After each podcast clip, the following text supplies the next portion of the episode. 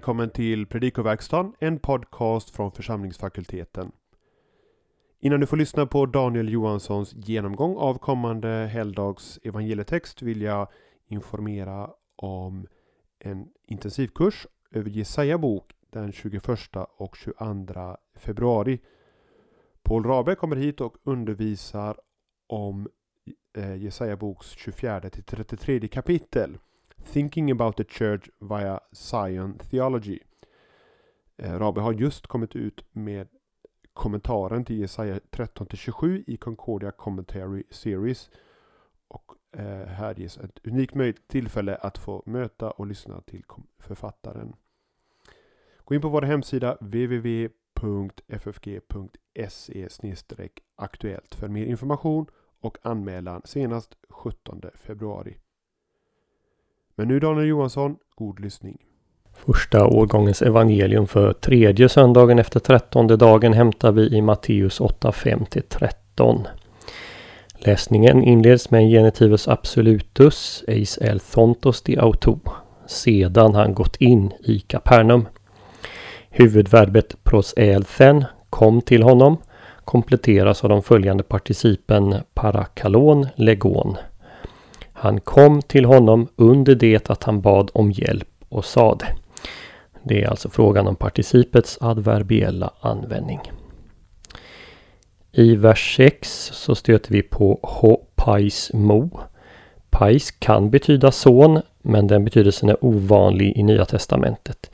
Det är troligare att en tjänare avses. Av någon anledning som jag inte begriper översätter Bibel 2000 med tjänare i den här versen men sedan med pojke i vers 8 och 13 trots att samma substantiv används. Verbet bebletai, perfekt passivum av ballo, betyder inte att någon kastar tjänaren på sängen utan det är ett idiom som används när någon är sängliggande på grund av sjukdom. Substantivet paralytikos respektive participet basan nitsomenos beskriver omständigheten för sängliggandet. Han är lam och han plågas svårt. I vers 7 eh, stöter vi på satsen Ego el thon therapevso auton. Här har vi en stark betoning av Jesus. Dels används det överflödiga ego. Dels så står det först i meningen. Nästladan 27 och 28 sätter punkt efter den här satsen och man översätter då Jag själv ska efter att ha kommit bota honom. Så tar de flesta engelska översättningar det och Bibel, eh, eh Folkbibeln eh, 2015. Men satsen kan också vara en fråga Skall då jag efter att ha kommit bota honom? Så översätter Bibel 2000 och Folkbibeln 98 och många kommentarer. I vers 8 så har vi hinna. Det används vanligen för att uttrycka syfte, för att. Men här måste det vara exegetiskt förklarande och därför översättas med bara att. Jag är inte värd att du går in under mitt tak. AP logo är ett märkligt uttryck. Mm. Ordagrant tala genom eller med ett ord. Bibel 2000 och Folkbibeln översätter men säg bara ett ord.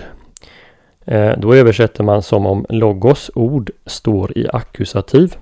Eh, men det står i dativ och måste därför vara instrumentalt. Här kan man visserligen undra hur Jesus skulle kunna tala utan ord. Logo är ju överflödigt men det understryker på något sätt centurionens förståelse av kraften i Jesu ord. Man kan ju jämföra med avslutningen på bergspredikan i 7, 28, 29, några verser tidigare. Eh, vers 9 Kai gar ego i Kai gar ego anthropos eimi hypoexosian här understryks centurionens ödmjukhet. För också jag, betonat, är en människa under auktoritet befäl. En del tar här Kai också som en förtäckt jämförelse med Jesus och att han själv skulle stå under en högre auktoritet, nämligen Fadern. Det är nog att pressa texten. Eh, officeren tar med fram sig själv som ett exempel. Trots att han står under befäl har han ändå makt över andra.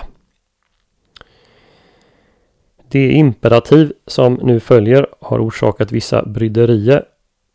Porevtheti är ett auristimperativ. Ercho är ett presensimperativ. Poieson, eh, poieson är ett auristimperativ. Det här är enda gången Matteus använder presens imperativ av verbet erchomai, eh, komma. Övriga gånger i 6, 10, 10, 13 och 14, 29 så använder han auristimperativ. Varför växlar han då mellan aurist och presens imperativ i den här versen? ja, det är svårt att veta. Det är svårt att se någon annan nyans i kom än den som finns i gå och gör.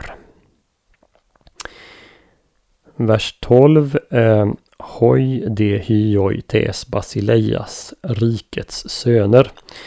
Det här uttrycket är en semitism och avser sannolikt något i stil med de som är avsedda för riket. Adjektivet exoteron är en komparativ i betydelsen yttre. Men i Nya Testamentet fungerar ofta komparativen som superlativ och skulle då ha betydelsen yttersta. To skottos to exoteron skulle då betyda antingen det yttre mörkret eller det yttersta mörkret. Bibel 2000 och folkbibeln har mörkret utanför men det är väl en tveksam översättning. Ekei estai h klaufmos kai h Bryggmos ton odonton. Svenska översättningarna använder här verb men grekiskan har substantiv med bestämd artikel. Gråten och tändernas gnissel ska vara där, står det ordagrant. Vers 13. Hyppage hos epistevsas genethetosoi. Det betyder gå så som du har trott må det ske för dig. Bibel 2000 och folkbibeln översätter så som Jesus mer avger ett löfte, eh, som om det ligger i framtiden. Men verbet genetheto är inte ett futurum utan en imperativ i tredje person singularis som betyder låt det ske eller må det ske. För övrigt är det exakt samma verbform som i Fader vår. Det troliga är att genetheto är just det ord centurionen efterfrågar när Jesus säger må det ske så sker undret. Och det understryks ju av nästa sats hos Matteus. Och hans tjänare helades i den där stunden. Till sist något om den lilla konjunktionen hås i den här versen. Så som betyder det. Eh, man kan tänka sig att det uttrycker en proportion så att helandet står i proportion till tron. Men det är väl inte särskilt troligt. Man kan också eh, tänka sig att hås är kausalt eftersom du trodde.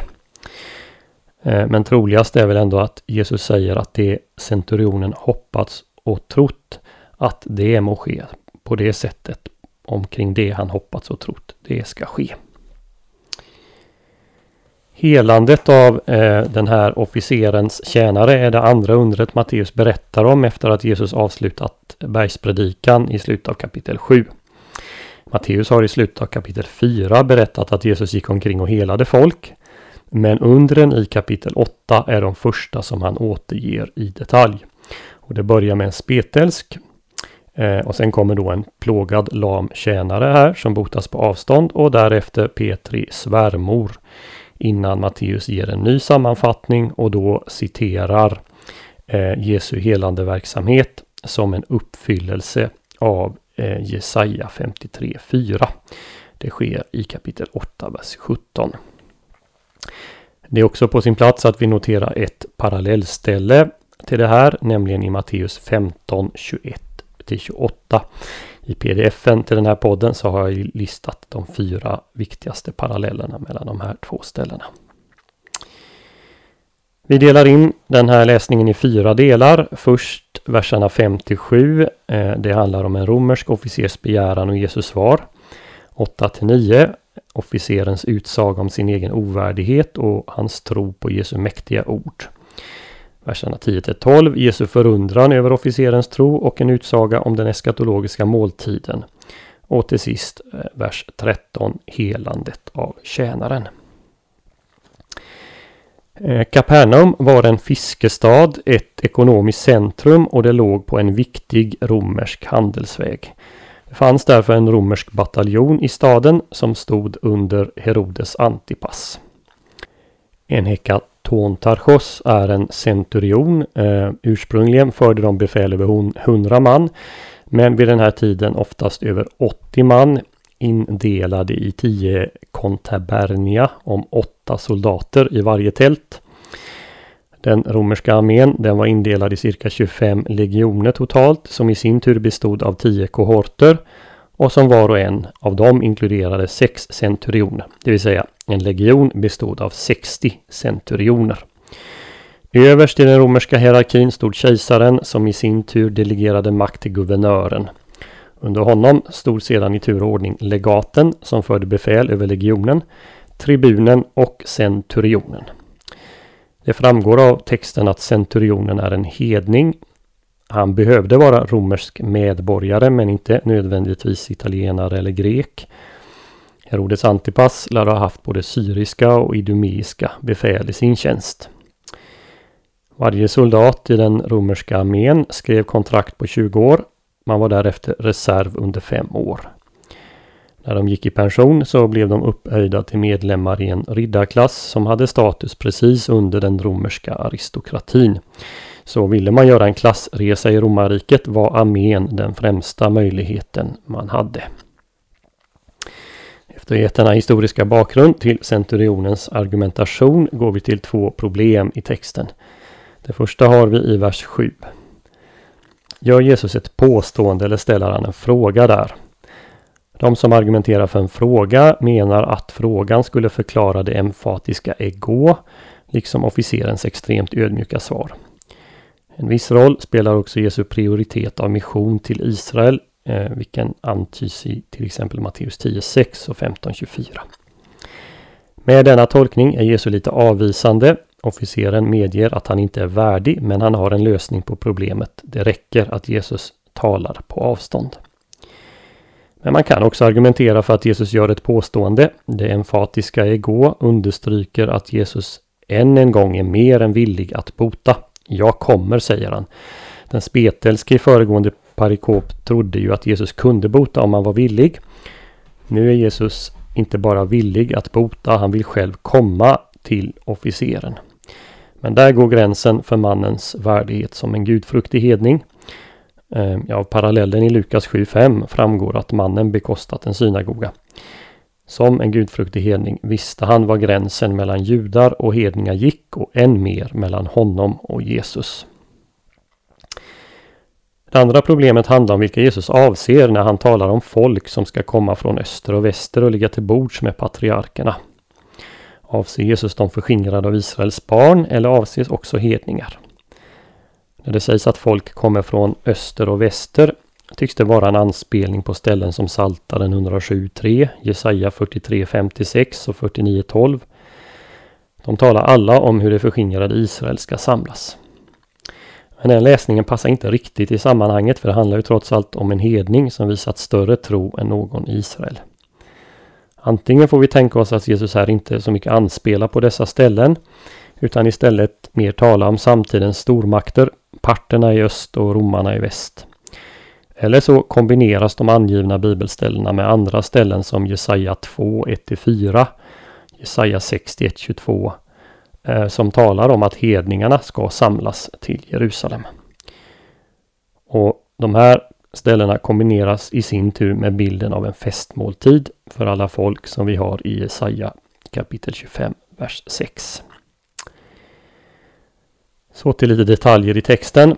De båda första helandunderna i Matteus eh, rör inte personer som man skulle förvänta sig. Båda står utanför gemenskapen i gudsfolket. En spetälsk på grund av sin sjukdom, officeren på grund av att han var hedning och dessutom en förhatlig representant för ockupationsmakten. Centurionen karaktäriseras av två saker. Det är hans tro på Jesu ords kraft och hans ödmjuka erkännande av egen ovärdighet. Som hedning var han nog inte obekant med undergörare.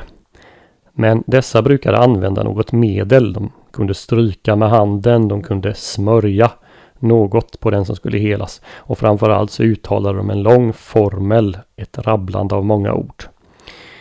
Mannen tror att Jesu ord har en sådan förvandlande kraft att det räcker att Jesus talar genom ett ord och så sker det till och med på distans. Troligen så hade han hört Jesus tala och kunde stämma in i skarornas ord om att Jesus talade med en auktoritet som ingen annans. Kanske har han också hört talas om hur Jesus på avstånd hade botat en kunglig tjänares son i Kapernaum och som vi kan läsa om i Johannes 4.46 och framåt. Trots att mannen har en hög ställning i samhället med åtminstone en egen slav och 80 man ur den romerska armén under sig. Han har en sådan auktoritet att han kan befalla alla dessa att utföra hans minsta vink anser han sig ändå ovärdig ett besök av Jesus. Han håller Jesus för sin Herre och tilltalar följaktligen Jesus med Herre båda gångerna han öppnar munnen. Tanken går här osökt till Johannes döparen som inte ansåg sig värd att knyta upp Jesu sandalremmar. I skriften är det regel ett besök från Israels Gud själv som genererar en sådan reaktion. Tänk på Abraham i Första Mosebok 18 eller Jobb i Jobb 42 eller Jesaja i Jesaja 6. Tro är ett viktigt tema i Matteus evangeliet. Jag listar de viktigaste ställena i pdfen. I det här fallet så är Jesus helt tagen av mannens tro. Det här är enda gången verbet thaumatso används om Jesus. Annars är det folkskarorna som brukar vara överväldigade av Jesus. Mannens stora tro, större än någon Jesus stött på i Israel, föranleder Jesus att tala om den eskatologiska måltiden.